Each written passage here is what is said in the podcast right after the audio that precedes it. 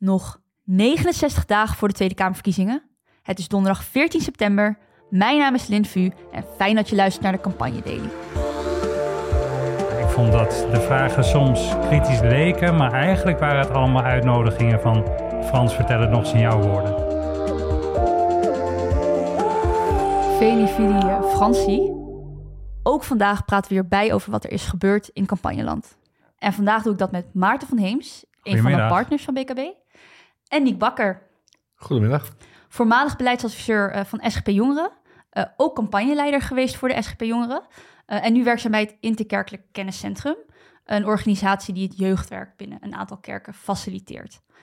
Wat was je eerste reactie, Niek, toen je hoorde dat Kees van der Staaij als partijleider afzwaaide? Dat kwam niet onverwacht. Nee, waarom niet? Nee. Ehm, omdat eigenlijk hij er al heel lang in zat en al wel heel duidelijk was uit alle voorsignalen dat, dat Christoffer wel werd voorgesorteerd om, om hem op te gaan volgen. Ehm, dat was bij de vorige verkiezing echt nog te vroeg, dat kon je wel merken. Eh, maar nu was dat echt wel, ja, wel de verwachting dat hij, eh, dat hij eruit zou stappen. Ja. Het, is, het was tijd. Het was tijd. Top. Iemand die niet afzweide, maar juist net is begonnen, is eh, Frans Timmermans. Hij schoof gisteravond aan bij Galit eh, Kassem. Zijn eerste publieke optreden werd overal op die manier ook geframed. Ehm, ik wil heel graag beginnen met dit fragment, omdat ik denk dat het campagnematig super interessant is. Omdat eh, het een persoonlijk interview was en dat we hem eigenlijk nooit op die manier, eh, misschien eerder op zo'n podium, hebben gezien.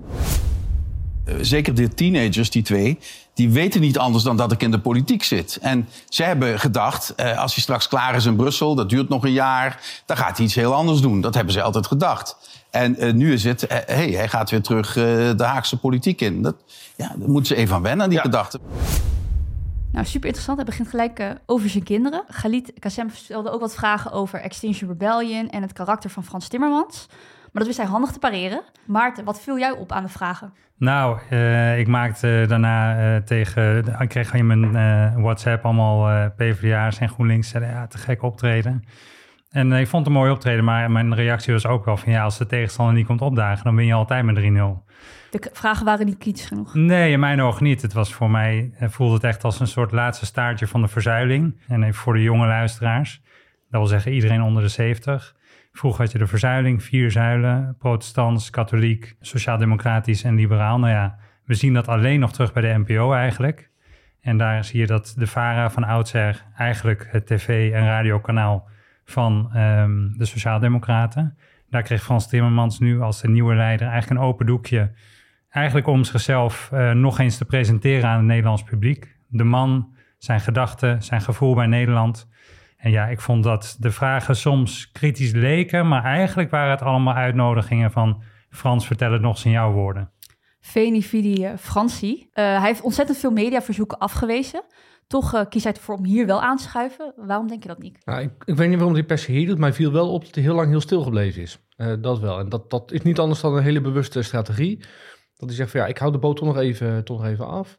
Ehm, en waarom dat hij dat doet, ja, dat, dat, dat is natuurlijk een beetje, een beetje gissen. Ehm, maar je merkt wel dat heel veel eh, discussies gaan nu over de, over de poppetjes. Je ziet ook heel veel gebeuren, eh, heel veel relletjes ook. Ook heel veel dingen die er gebeuren waar iedereen op zat te wachten. De nieuwe lancering van de partij van Pieter Omtzigt. Ik denk dat het heel tactisch geweest is van hem om zich een beetje in de, in de, in de schaduw te houden. Van als dat eenmaal geweest is, dan komt er vanzelf een natuurlijk moment dat ik zelf mijn kans kan pakken. Dus de timing vond ik wel redelijk logisch. Ehm, ja, waarom precies dit podium? Ja, het is, een beetje, hij kreeg een uitnodiging om zichzelf persoonlijk te presenteren. Zo hebben ze ook het, het programma gepresenteerd van lijsttrekkers krijgen de mogelijkheid om zichzelf voor te stellen, om een inkijkje in hun persoon te geven. Dat is ook gewoon een hele veilige aftrap voor je, voor je campagne. Hè. Dat gaat allemaal niet heel... eh, het is geen Sven Kokkelman, zeg maar, waar je dan eh, even over doorgezaagd wordt over de, over de inhoud. En wat hebben we dan geleerd van hem? Dat hangt er vanaf met welke basiskennis je al begon. Maar laten we even ervan uitgaan dat het voor eh, veel mensen weliswaar een bekende naam is, maar toch weer even opfrissen van waar staat hij voor. Heeft hij denk ik goed het punt kunnen maken dat hij ehm, misschien door eh, veel mensen wordt aangevreven van je bent eh, een politieke insider, Haagse kliek. Nou ja, hij heeft heel duidelijk een punt gemaakt. Nederland is voor mij meer dan Den Haag en de Randstad. Ben zelf geworteld in Limburg. Ja, dat, dat kon hij stevig neerzetten de eh, familiemens. Dus niet alleen maar de kille bestuurder, maar iemand die... Ja, dat, ik vond dat item ook best wel lang duren. Je liet er net een clipje van zien, maar dat was minutenlang eigenlijk over wat het betekent voor zijn familie. Ben je het daarmee eens? Ja, hij nam daar nog wel duidelijk de vlucht eh, naar, naar voren, zou je kunnen zeggen. Hij gaf ronduit toe, ja, ik, kan, eh, ik heb soms echt veel geldingsdrang. Dat ga ik ook helemaal niet ontkennen. Ehm, Hij dus- koppelde dat aan zijn ambitie. Vond ik een hele interessante Ja. Ja, dus je merkt wel van dat hij, dat hij maar, helemaal laat zien van ja, het komt echt vanuit een warme betrokkenheid. En ik ben echt begaan met mensen. Ehm, hè, terwijl hij toch juist vanuit ook meer rechtse hoek als het gaat over de Green Deal, dat hij echt gewoon nou, ja, ehm, het verwijt krijgt van die- dat hij soort verblind is door zijn idealen. En dat probeerde hij wel nadrukkelijk hiermee, eh, hiermee te pareren. Dus inderdaad, een, een spin, een hele interessante ook, omdat hij daarbij twee vliegen in één klap eh Ja, ik vond het zelf ook een heel interessant interview, want hij presenteerde zichzelf positief, optimistisch, eh, best wel premierwaardig, een beetje... Ik kreeg eh, een beetje Job Cohen vibes hier. ehm, dat je merkte dat in de tijd dat Job Cohen werd gepresenteerd als, als kandidaat van de, van de Partij van de Arbeid, dat merkte ze echt heel sterk op dezelfde toer zaten. Zo van ja, het is echt een bestuurder, het is iemand die mensen kan verbinden. Het is, nou, dat merkte je in die lezingen die hij eh, van de week gaf ook. En hij is helemaal op diezelfde, op diezelfde toer. Dus of dat nou ja, helemaal de juiste toer is, weet ik niet. Hij dan iets meer in de campagnestand moeten gaan komen, denk ik. eh. Ja, aan de andere kant, ik denk wel, als ik daar even op mag ingaan, Lin. ehm, het zijn voor mij wel... Kijk, ik denk dat alle verkiezingen in Nederland die voor de Tweede Kamer zijn... dat dat zegt ze al, ja, het gaat over de inhoud en eh, het gaat over partijprogramma's. Ik denk dat het eigenlijk altijd in de kern premiersverkiezingen zijn. Eh, Nederland is een, eh, een constitutionele monarchie, maar eigenlijk eh, heb ik vaak het gevoel dat we eh, bijna een soort presidentieel stelsel hebben, omdat we toch eigenlijk altijd eh, die premiersvraag op een gegeven moment boven komt drijven. Vaak is dat pas echt in de, in de debatten van wie vertrouw je nou het eh, land toe. Nu is dat natuurlijk al helemaal aan het begin, omdat de zittende premier afzwaait. En ehm, ik heb wel heel sterk het idee dat ze bij eh PvdA GroenLinks er alles aan zullen doen om het een premierstrijd te laten zijn van begin tot eind. Ja. Als we kijken naar, naar het optreden van eh, Frans Timmermans in Galit en Sophie, hoe heeft hij het gedaan? Hij heeft zijn kansen wel gepakt. Ja, dat denk ik wel. Ehm, en daar moet ik bij zeggen, kijk Frans, hij, hij was natuurlijk redelijk onbekend in Nederlandse, Nederlandse politiek. Ik moet wel zeggen, ik, ik ben een beetje voorzichtig in het inschatten van zijn kansen. Ik weet dat in de campagne van eh, eh, 2019, de Europese verkiezingen, eh, toen hielden we eigenlijk ook vanuit SGP, nou is dat niet echt een directe concurrent van SGP natuurlijk, maar je kijkt natuurlijk wel naar wat andere partijen doen. Daar hadden wij ook zeker geen rekening gehouden met dat het zo groot zou worden. Eh, dat op een, een of andere manier dat hij toch, omdat hij al wel redelijk, nou, mensen kennen toch wel een beetje zijn naam. En de rest is natuurlijk nog veel onbekender dan hij. Hmm. Ehm, en dat hij echt wel verrassend veel, veel stemmen daar won. Eh, dus ik ben ook een beetje voorzichtig om helemaal vast te pinnen Ja. op, eh, Ja. op voorspellingen wat, wat, wat Timmermans daar gaat doen. Nou ja, later is ook gebleken uit het kiezersonderzoek na die verkiezingen dat dus 10% van het VVD-electoraat Ja. dacht dat Frans Timmermans hun lijsttrekker was. Ja. En maar 10% van het VVD-electoraat, dus dezelfde hoeveelheid, kon eh, de naam die het echt was noemen, maar die Kasmani. Ja, Ehm, maar nog even op jouw vraag over is het nou geslaagd optreden? Ik zou zeggen ja en nee. Ja, in de zin, hij heeft zich mooi kunnen presenteren aan de eigen achterban. Zo zie ik toch een beetje eh Vara kijkend eh, Nederland. Ehm, nee, in de zin dat toen ik vanmorgen ging googlen Frans Timmermans nieuws, kwam er eigenlijk bijna niks op. Heel klein beetje kwam in het nieuws van eh, hij staat achter die protesten op de A12. Een beetje geparafraseerd is dit. Maar het is niet zo dat hij met dit eerste grote interview... eh, we hebben hier vier kranten liggen, hij staat daar niet in. Nee, maar dat heeft ook te maken met dat hij volgens mij nu nog heel erg bezig is om echt eh, ook het vertrouwen van zijn eigen achterban te winnen. Hij is voor het eerst dat hij voor een gecombineerde partij uitkomt. Ja. En dat moet hij wel aan, bij elkaar zien te houden. Eh, dus dat is denk ik zijn eerste missie. En daar, daar moet je dit ook wel in zien, denk ik. Dat het niet zozeer richting naar buiten nieuwe stemmen. Nou, ook heel erg nog consolideren welke keuze er nu gemaakt is door die, door die twee partijen. En echt een beetje ook daarin de verbinding zoeken. Langs die lat, top optreden Ja. zou ik zeggen. Frans Timmermans was duidelijk de grote pop van gisteravond. Ehm, wat mij opviel in het nieuws als we kijken naar de afgelopen dagen... is dat de media met name inzoomen op die poppetjes. Eh, Esther Ouwehand schoof aan bij College Tour. Eh, Nico eh, Kofferman, fractievoorzitter van de Partij voor Dieren in de Eerste Kamer... en een van de oprichters van de partij schoof aan bij Nieuwsuur. Daar gaat het ook met name over wie heeft wat wanneer gezegd. Ehm, op Twitter konden we niet ophouden over Jessim Chandan... die kandidaat-Kamerlid was voor D66... En toen weer niet, nadat bekend werd dat ze ooit heeft gesolliciteerd bij Forum voor Democratie. Dan rijst bij mij de vraag, gaat het om de poppetjes of om de inhoud? Ja, dat heeft met twee dingen te maken. Eén is dat, dat je nu ook in een fase zit dat er heel veel kandidatenlijsten eh, gepresenteerd worden. En daar moeten gewoon de congressen wat van gaan vinden. Dus voor een deel hangt het samen gewoon met de fase waar de campagne in zit. Dus je kan niet helemaal, eh, denk zeggen van het draait alleen om de poppetjes. Dat heeft ook voor een deel te maken dat de programma's nu, eh, nu gaan komen. Ehm, wat wel echt zo is, en hoe ik dat he- heel erg zie, is dat door het lage vertrouwen wat er is in politici en in de politiek, En dat wordt heel sterk gekoppeld aan het optreden van de individuele personen, individuele politici. Die liggen gewoon ook voor het publiek gewoon veel meer onder een vergrootglas. En nog los van het effect wat de media daarin heeft, want je bent gewoon het gezicht van een partij, heeft ook echt te maken met van ja, ze moeten wel iemand kunnen stemmen waar ze echt het vertrouwen aan kunnen en willen geven. Dat, dat thema haalde Frans Timmermans ook echt natuurlijk, en dat was terecht, vond ik, dat hij dat thema naar voren haalt van ja, dat, daar draait uiteindelijk wel om. Hè, dat mensen gaan niet zozeer aan op hoe rationeel, hoe zitten jouw plannen in elkaar, maar die gewoon van vertrouw ik het jou toe dat jij de komende vier jaar daar uh, in de beslissing uit voor mij gaat. Is dat een misplaatste projectie? Nee, want ik, ik denk dat, er, dat iedereen wel weet van er is zoveel uh, aan het wisselen en zoveel onzeker. Uh, ja, je kan wel plannen maken voor de komende vier jaar, maar je weet één ding zeker en het gaat er over vier jaar heel anders uitzien dan wat je nu voorspeld hebt. Dus dat weten mensen ook heel goed en dan gaat er veel meer om van, uh, zit daar iemand aan wie ik het toevertrouw om in zulke um, crisis om dan adequaat en op een vertrouwenswekkende manier uh, dat op te pakken en op te lossen. Dan van, nou, ligt daar een papiertje onder een verkiezingsprogramma wat overeenkomt met mijn standpunten. Nou, ik vind dat best wel interessant, want volgens mij anderhalf week geleden uh, publiceerde INO Research een uh, peiling of een onderzoek over hoe kiezers kijken naar de discussie over bestuurscultuur, die nieuwe partijen zoals Nieuw Sociaal Contract, BBB, hoe zij kijken naar het programma. En daar kwam volgens mij als conclusie uit dat burgers of kiezers vooral gewoon oplossingen willen voor de vele crisissen die we op dit moment kennen. Dus ik, Ja, maar dat is denk ik een verschil tussen uh, uh, wat je wil en wat je zegt dat je wil. En um, hoe je werkelijk, uh, als puntje bij paaltje komt, bezig bent met verkiezingen.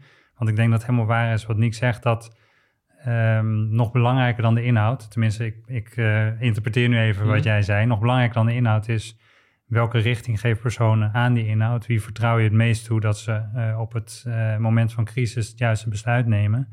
En daarom is toch ook, denk ik, uh, in het strijd tussen de poppetjes en de inhoud, ik zeg toch altijd, de vent maakt de tent. Dat is niet meer helemaal inclusief in deze tijd. En gelukkig is het lang niet meer altijd een vent. Maar daar komen we denk ik zo meteen nog over te spreken als we ook op de SGP ingaan.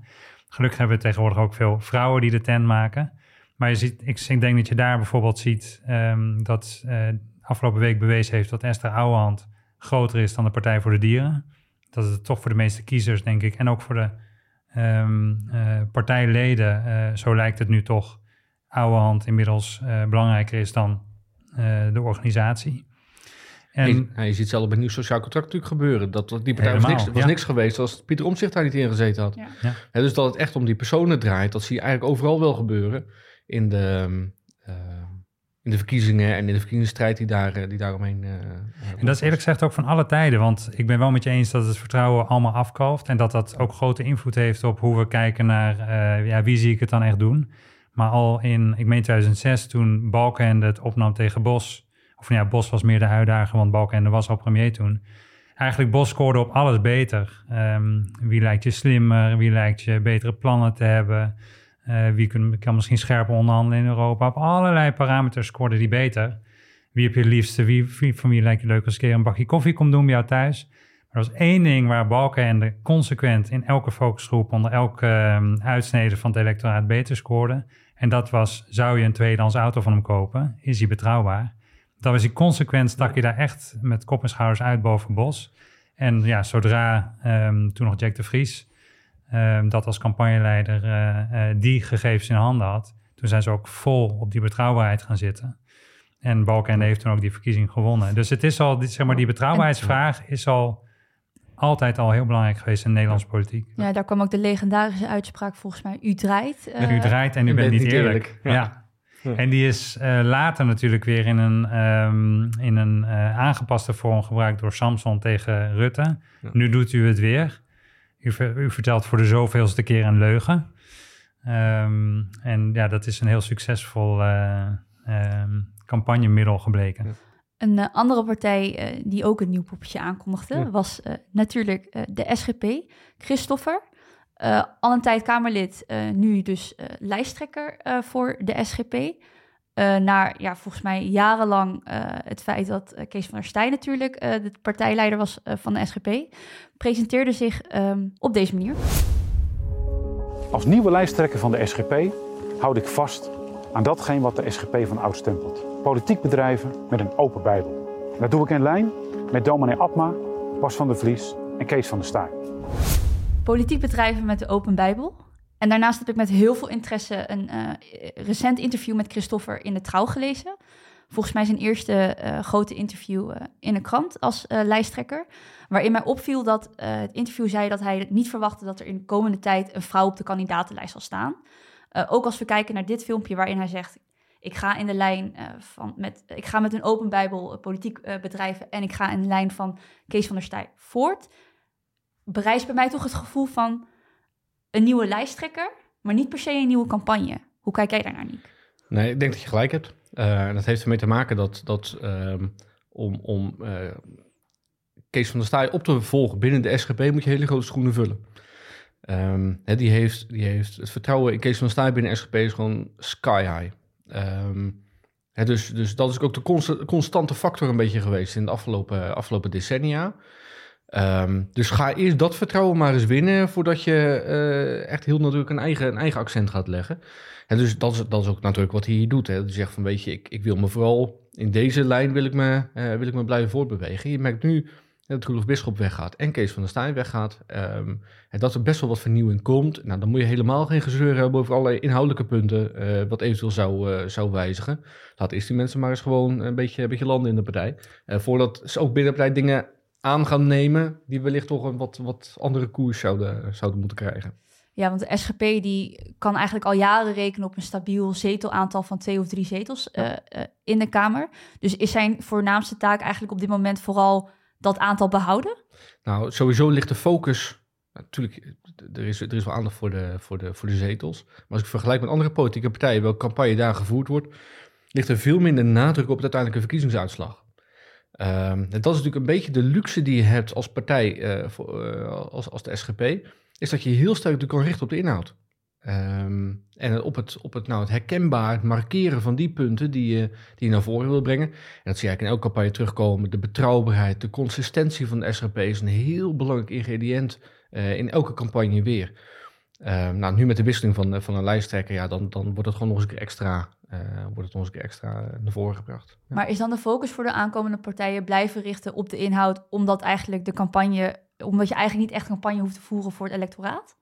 Nou, dat moet je voor een deel natuurlijk wel doen. Kijk, ongeveer van die drie zetels zijn er twee, kan de SGP eigenlijk altijd op rekenen, is vaste achterban. Uh, een derde zetel, of misschien een vierde, uh, dat moet echt wel daar moet echt wel, wel, wel moeite voor gedaan worden. Het is niet zo van we kunnen achteroverleunen en het, uh, het komt dan wel aanwaaien.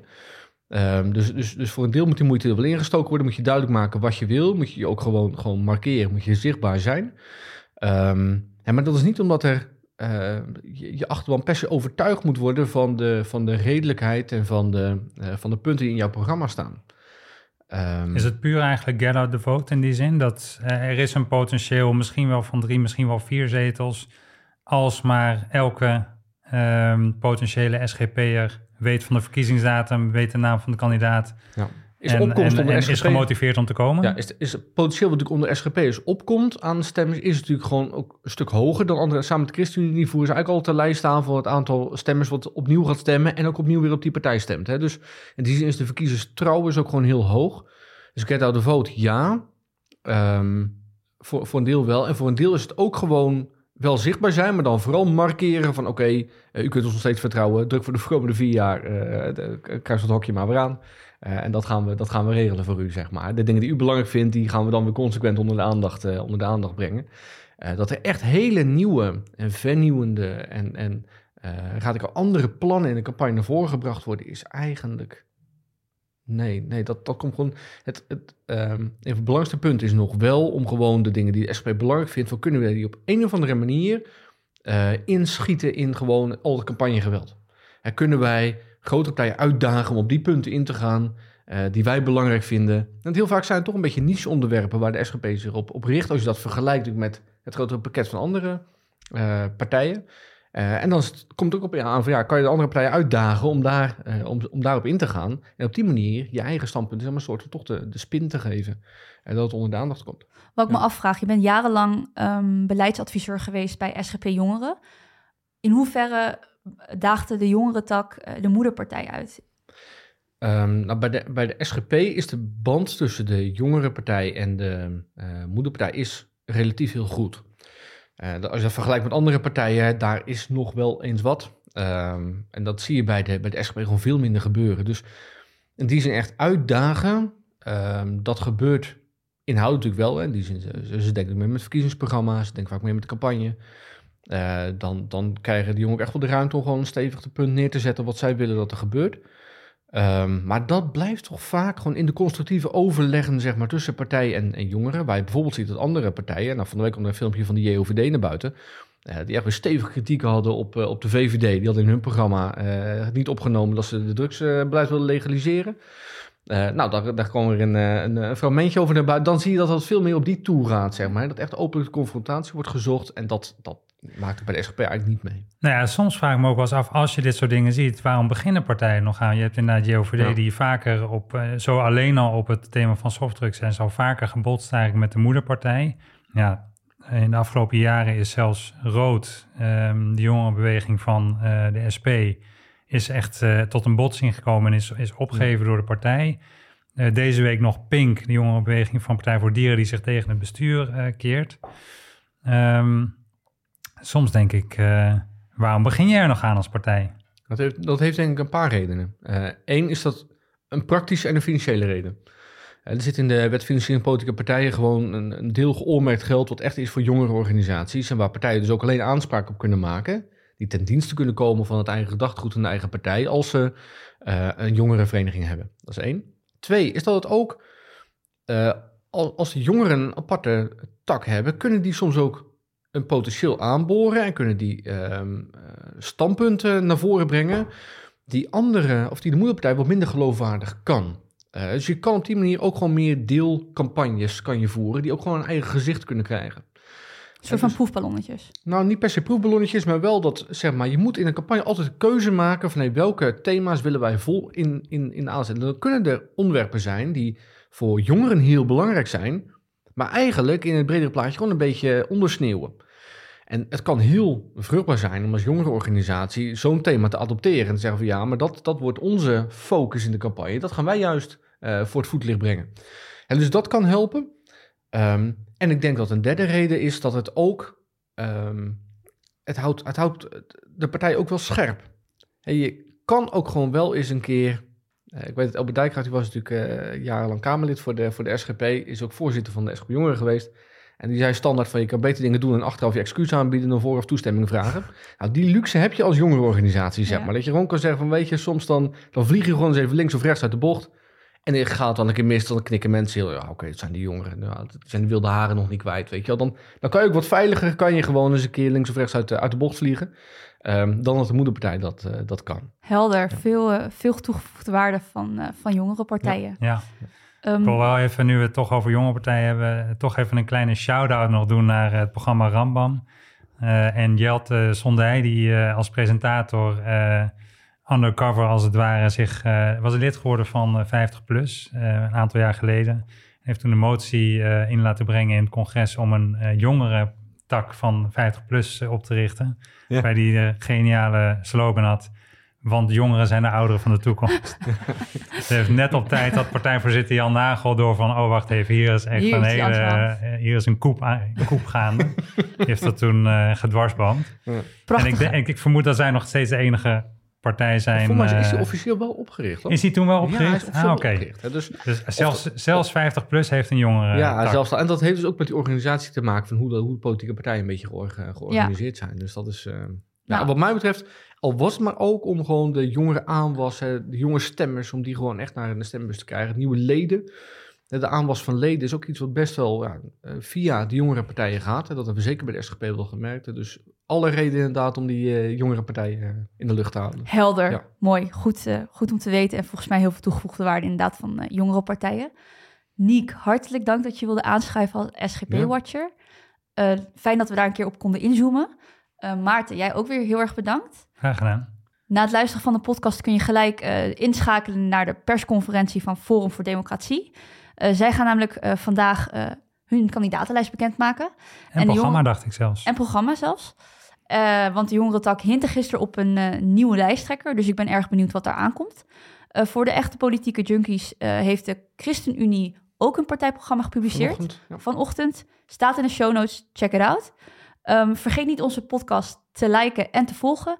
En natuurlijk onze Insta, uh, Campagne Daily. Uh, volg het en mail ons anders via campagnedaily.bkb.nl. Morgen schuift hier Pelle aan samen met Alex Klusman. Te gast is Janine Harbers, adviseur van verschillende politie en bestuurders. En recht uit de achtertuin van Caroline van der Plas. Dank jullie wel weer. Tot morgen.